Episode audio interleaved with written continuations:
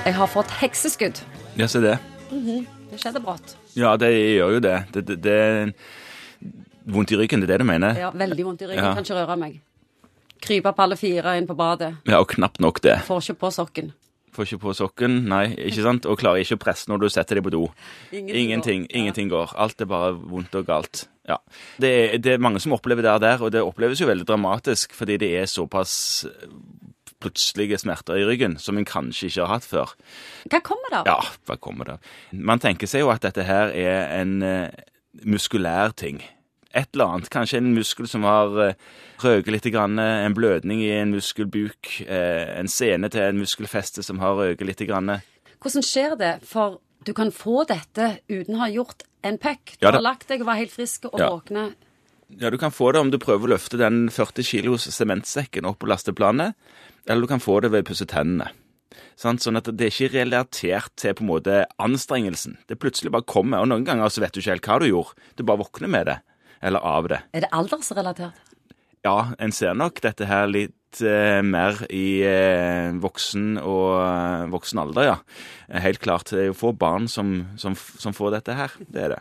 Men, men eh, om det er farlig, er jo det mange lurer på, ikke sant? Og da er, hvis det er et hekseskudd, eh, så må dette skilles fra det som vi kaller for rotsmerter, altså at det er noe som presser på en nerverot. For det gjør òg dritvondt i ryggen, men det stråler òg nedover i føttene og ned forbi kneet, pleier vi å si. Helt ned i hælen og stortåen noen ganger.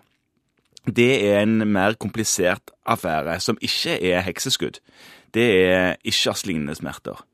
Så de to tingene skiller vi ofte, men hekseskuddet det, det er i seg sjøl ikke farlig. Men hva gjør du når du har fått hekseskudd?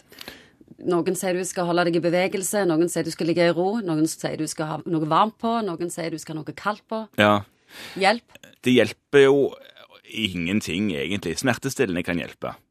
Og noen syns det er lindrende å legge på noe kaldt, noen syns det er lindrende å legge på noe varmt. Det er veldig forskjellig. Og noen ganger er det sånn at dersom du bare er tydelig nok i hva du rådgir folk til, så hender det at det hjelper. Og da er det jo sånn placeboeffekt som kan, kan slå inn. Men det, det, det, må jo ta tiden til hjelp. Det er det en må gjøre.